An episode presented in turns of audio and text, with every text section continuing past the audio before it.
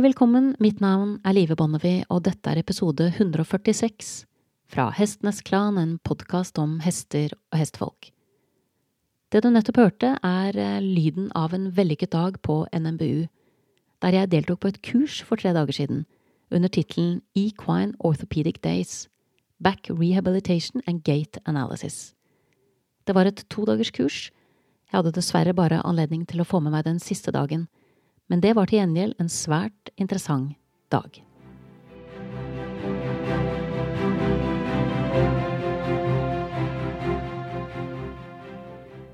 Først ut var Tein Spormacher fra Universitetet i Utrecht i Nederland. Tein er kirurg.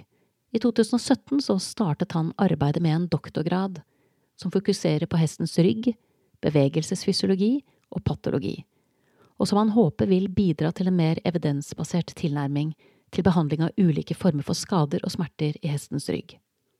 Han innledet med å stille spørsmål ved om operasjon ved ryggproblemer i dag kan regnes som evidensbasert medisin. Han har nemlig gjennomgått alt som foreligger av rapporter fra ulike studier tilbake til 1968, og de er vesentlig færre enn jeg ville forventet. Men det som var mest interessant å merke seg, det er hvor utfordrende det er å gjennomføre en studie som oppfyller minimumskravene for vitenskapelig metode. Det forskes mest på veddeløpshester, på fullblodshester. Og interessant nok er hestene forventet å komme til banen for å prestere for fullt etter et inngrep, og ideelt sett uten altfor lang rekonvalesenstid.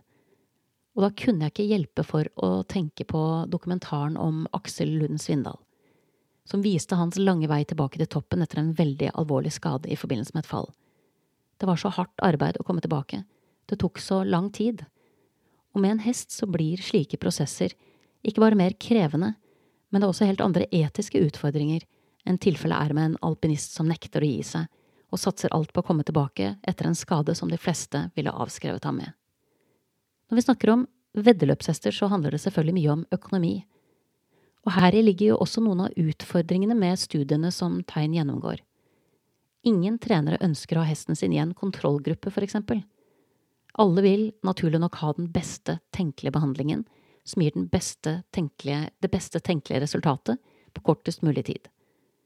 Dermed må vi fra de første rapportene i 1968 spole fram mer enn 40 år, nærmere bestemt til 2012, for å finne de første studiene som man får gjennomført med en kontrollgruppe. Og da med en kontrollgruppe som ikke egentlig er en reell kontrollgruppe, fordi den følger et helt annet løp enn hestene som ligger på operasjonsbordet. For skal en kontrollgruppe ha verdi, så må man ha kontroll på alle variablene. Så selve inngrepet skal være det eneste som skiller de to gruppene. Å operere noen hester, og tilby andre hester fysioterapi, og deretter gi de to ulike gruppene ulik oppfølging og ulik rekonvalesenstid, det gir jo ikke noe godt grunnlag for å vurdere hva som er den beste veien videre for hestene. For ikke å snakke om hvordan selve diagnostiseringen i forkant gjennomføres. Jeg snakket med Tegn etter presentasjonen om nettopp dette med viktigheten av å ha kontrollgrupper, og han sa at det naturlig nok var en tilbakevendende problemstilling. Ikke bare for ryggoperasjoner, men alle operasjoner, der han særlig trakk fram operasjoner av svulster. Det er selvsagt ingen som vil ha placebo. Alle vil ha the real deal. Det beste for sin hest. Og ser vi på studiene som er gjennomført fra 1968 og frem til dag, så blir det jo ganske tydelig at grunnlaget vi skal basere oss på, ikke er så bunnsolid som man kanskje kunne ønsket seg. Det handler selvsagt ikke om vond vilje, men om økonomi. Økonomi til forskning. Økonomi hos de som eier hestene det forskes på. Og for å ta det første først. Det er dessverre veldig krevende å finansiere god forskning, også i et rikt land som Norge. Jeg har selv snakket med veterinærer som sitter på veldig interessante prosjekter som ikke får økonomisk støtte. Prosjekter som er egnet til å ta velferden flere sjumilssteg fremover. Jeg tenker det må være veldig tøft at man ønsker å utgjøre en forskjell, men sliter med å omsette det til praksis.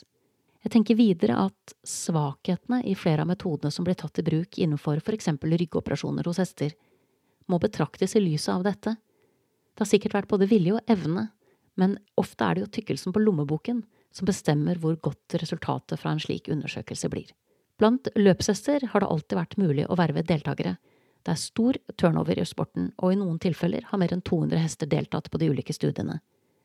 Men studiene som er gjennomført, har ikke bare brukt ulike måter på å diagnostisere hestene i forkant, de har også brukt ganske mangelfulle metoder for å vurdere resultatene av operative inngrep i etterkant.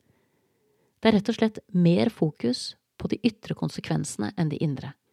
Synlig muskelatrofi, hvite hår i operasjonssåret og plassering på resultatlistene trumfer ofte hvordan hesten faktisk har det på innsiden, for det er som kjent ikke alltid like målbart. For siden det dreier seg om veddeløpshester, så blir resultatene postoperativt ofte målt opp mot hvorvidt hesten kom tilbake på veddeløpsbanen etter inngrepet eller ikke. Og i flere av studiene var det faktisk opp til eieren å vurdere om inngrepet hadde vært vellykket eller ikke, som også er et litt underlig konsept.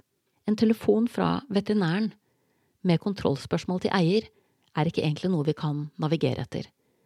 For hvor god er egentlig en eier som ønsker at hesten skal tilbake på banen fortest mulig, til å vurdere hestens medisinske tilstand og hvordan hesten egentlig har det? Gjennomgangen av historikken på dette feltet avslører mange svakheter, og generelt sett lite solid materiale å navigere ut fra.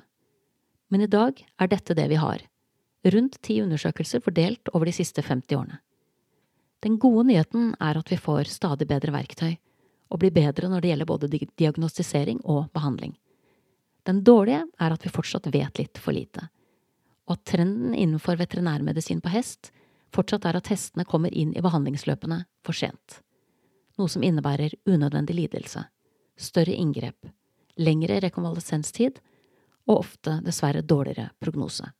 Dermed var det viktigste budskapet fra Universitetet i Nederland at det man med rette må kunne kalle hesteindustrien, trenger å endres, så færre hester havner på operasjonssporet i fremtiden. Neste kursholder var en som har stått på min ønskeliste over fremtidige podkastgjester lenge, Maria Therese Engel. Og overskriften hennes var Biomechanical Motion Analysis of Horses and Riders During Orthopedic Evaluation. Maria Therese er for mange kjent fra Rider Imbalance, hun har jobbet som FI-veterinær og jobber med toppryttere både nasjonalt og internasjonalt. Stikkord er fokus på å forbedre rytterens balanse for å styrke samspillet mellom hest og rytter optimalt, som to dansere som beveger seg som én. Og systemet som ligger i bunn, er vitenskapelig testet. Maria Therese legger fram noen kjente, men svært interessante perspektiver, som også kommer i inngrep med episode 121, der Sue Dyson snakker om de 24 tegnene på smerte hos ridehester der Sue også forfekter at det er veldig vanlig å mønstre hester som skal diagnostiseres for ulike typer smerter uten rytteren på ryggen. Og det som er betenkelig med denne praksisen, det er jo at vi vet at rytterens sits og balanse påvirker hesten mer enn noe annet. Særlig interessant blir det når en rytter på høyt nivå rir flere hester, og alle hestene får de samme fysiske utfordringene. Rytteren er med andre ord en svært viktig del av ligningen, all den tid hans eller hennes vekt kan ganges med både tre og fire når hesten kommer opp i galopp. Og hvis man for enkelhets skyld sier at man nøyer seg med å gange med tre, så vil de fleste av oss i realiteten være nærmere 200 kilo masse på hestens rygg når vi rir i galopp. Så rytteren kan med andre ord både fremme helse og prestasjon og gjøre det diametralt motsatte, avhengig av kroppskontroll, balanse, smidighet og styrke. I ridning som i alt annet av bevegelse er det Newtons lover som gjelder. Det handler om kraft, masse og akselerasjon. Halthet kan ikke vurderes uavhengig av rytter, ei heller rehabilitering. Har man problemer på en diagonal, så må man vurdere hvordan rytteren skal belaste den diagonalen under rehabilitering etter skade. Dette handler ikke bare om rytterens vekt, det handler også om små detaljer som tilpassing av sal, lengden på stigbøller, for å nevne noe. Maria Therese refererte blant annet til en studie der de hadde kortet inn den ene stigbøylen for å se hvordan det påvirket testen biomekanisk. Og da så man at testen gikk fra en normal bøyning til høyre og venstre til å få en konstant bøyning i ryggen for å kompensere for rytterens endrede balanse. Vi må ha kontroll på hva slags belastning hesten får, ikke bare under rehabilitering, men i hverdagen. Rytteren kan både ri hesten mer symmetrisk og mer asymmetrisk, så vi kan ikke glemme rytteren når vi skal sikre hesten god, langsiktig helse. Og igjen er det hjernen vår som er en viktig del av utfordringen. For som jeg snakket om i første episode for tre år siden, hjernen lyver. Den gir ikke annet enn ganske upålitelig, subjektiv vurdering på om vi sitter i balanse eller ikke, og den er mye automatisert. Så det å ta stilling til hvordan vi bruker kroppen vår i salen, er ikke så enkelt som man skulle tro. For vi tror ofte at vi gjør noe annet enn det vi faktisk gjør. Det er for eksempel ganske vanlig at rytteren samler hesten ved å korte inn på tøllen og lene seg litt tilbake. Men det som da skjer, det er at hjernen tenker ops, nå er vi i ferd med å falle her, da må vi kompensere. Og så kompenserer hjernen ved umerkelig å flytte setet vårt fremover. Og da er hjernens motoriske del fornøyd, for den opplever at vi er i balanse, men hesten er nok ikke like fornøyd, for trykkmønsteret endrer seg, og vekten fra rytteren flyttes frem mot manken, og det er jo ikke egentlig der vi ønsker trykket og vekten hvis utgangspunktet er samling og bæring. Så analyse av samspillet mellom hest og rytter er avgjørende, og det er altfor lite fokus på hvor ofte hestene må redde oss eller kompensere for oss, fordi vi er ute av balanse, og det er viktig å huske på at de ofte ofrer sin egen helse i prosessen. Vi må se rytteren ri hesten for å gjøre gode vurderinger, og vi må ikke minst ha et felles språk for å beskrive det vi ser, sier Marie Therese. Vi kan ikke fortsette med sprøyting av ledd, saltilpassinger, fysioterapi og kiropraktikk for å få hesten til å i gåsehudene fungere, uten å ta høyde for at ingenting påvirker hestene mer enn hvordan vi som rir dem fordeler og balanserer vekten vår i salen. Det er ikke god velferd å gjenta behandlinger og overlate til hesten å kompensere for at vi ikke rir godt nok. Jeg avtalte selvsagt et intervju med Maria Therese i nær fremtid så her kommer det garantert en egen episode. Nestemann ut var Philip Seche Bregenza, som er assistant professor ved det samme nederlandske universitetet som Tegn. Han var på kurset for å snakke om appen Sleip, og det er ikke sikkert den svenske utvikleren har eh, tatt høyde for hva sleip betyr på norsk. Det blir omtrent, vil jeg tippe, som om vi skulle kalt en eh, app, norsk app som skal selges Sverige for lømsk. Altså, det er eh, det er jo et ord med veldig mye negative assosiasjoner, men det er jo en fair sjanse for at det er knyttet opp mot Sleipner, Odins åttebente hest. Dette her er uansett en app som er laget for å kunne avlese om en hest er halt eller ikke, og du skal kunne filme hesten med din egen mobiltelefon. Så min første innskytelse var at dette er helt genialt. Da kan man på en enkel måte diagnostisere halthet, som kan være vanskelig å se ved det blotte øyet, ved å bruke en app som avslører det samme med letthet ved å bruke AI eller kunstig intelligens. Men det viser seg jo at det selvfølgelig må kobles en veterinær på for å bistå i diagnostiseringen. Jeg vil ikke som bruker av appen kunne avlese disse dataene selv. Og etter å ha kommet over den første skuffelsen, så gir det jo veldig mening at man er nødt til å få inn fagfolk for å gjøre en god vurdering av de funnene som appen klarer å fremdrive. Men altså, bruken av AI på denne måten er jo utrolig interessant. Så jeg gjorde da også en avtale med Philip om å snakke med gjengen bak Sleip i neste runde. Det blir trolig med en av Philips svenske kolleger, men jeg håper at vi kan klare å få den episoden på plass på denne siden av sommeren. Siste kvinne ut i dagens firkløver på NMBU, det var Anna Berg. Anna Berg er fysioterapeuten som ble veterinær, og deretter skrev en doktorgradsavhandling om rehabilitering av hest. Hun har viet hele sitt yrkesaktive liv til forskning og utdanning innenfor dyrerehabilitering og funksjonell anatomi. Hun har en stilling som førsteamanuensis ved Instituttet for klinisk vitenskap ved Landbruksuniversitetet i Sverige, og hun var den første presidenten for Association of Veterinary Rehabilitation and Physical Therapy. For tiden er hennes forskningsfokus på objektiv evaluering av smerte og fysisk dysfunksjon hos blant annet hest. Anna gjennomgikk annet hvordan man legger opp gode rehabiliteringsplaner for ulike skader i muskler, sener og skjelett, hvor lang rehabilitering som kreves, og ikke minst hvordan den bør legges opp. Her tok hun for seg en 15 timer lang undervisningsbolk på to ganger 45 minutter. Veldig interessant og ekstremt komprimert. Anna kommer ikke med kokebokoppskrifter, for de finnes ikke. Men hun presenterer ulike strategier for å sikre at en hest kommer tilbake til god helse og best mulig funksjon etter skade eller sykdom. Rehabilitering handler om økonomi, kompetanse og planmessighet. Det første Anna trakk fram som er verdt å merke seg, er at hester ikke mister muskelmasse på samme måte som oss i forbindelse med sykdom og skade, fordi de står mens vi gjerne ligger. Hun minner også om at knokler heles ved å utsettes for mekanisk trykk, og at små endringer kan gjøre stort utslag. Shit in, shit out, som hun sa. Hvis du skal måle det du driver med, så må du måle det nøyaktig, ellers har ikke det du avleser i den andre enden verdi. Hun brukte et konkret eksempel som jeg tar med meg hjem nå til min egen hest. Jeg måler ham jo jevnlig for å ha kontroll på holdet hans, for det er så lett å bli husblind, og jeg bruker det samme målebåndet hver gang. Men med hvilket trykk, og hvor plasserer jeg det?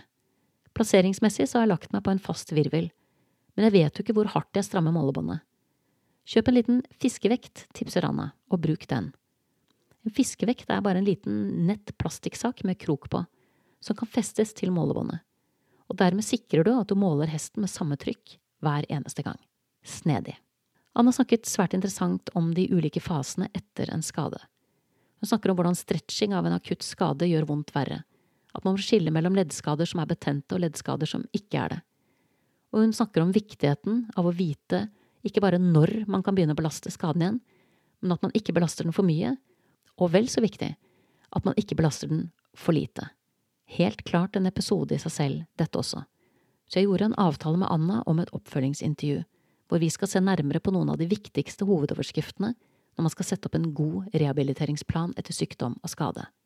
Jeg sender en stor takk til NMBU for å sette sammen dette kurset, og en stor takk til alle foreleserne for på ulike måter å bidra til å styrke hestenes velferd, og ikke minst minne oss alle om vårt etiske ansvar for å sikre hestene våre et sunt og langt liv i menneskenes tjeneste.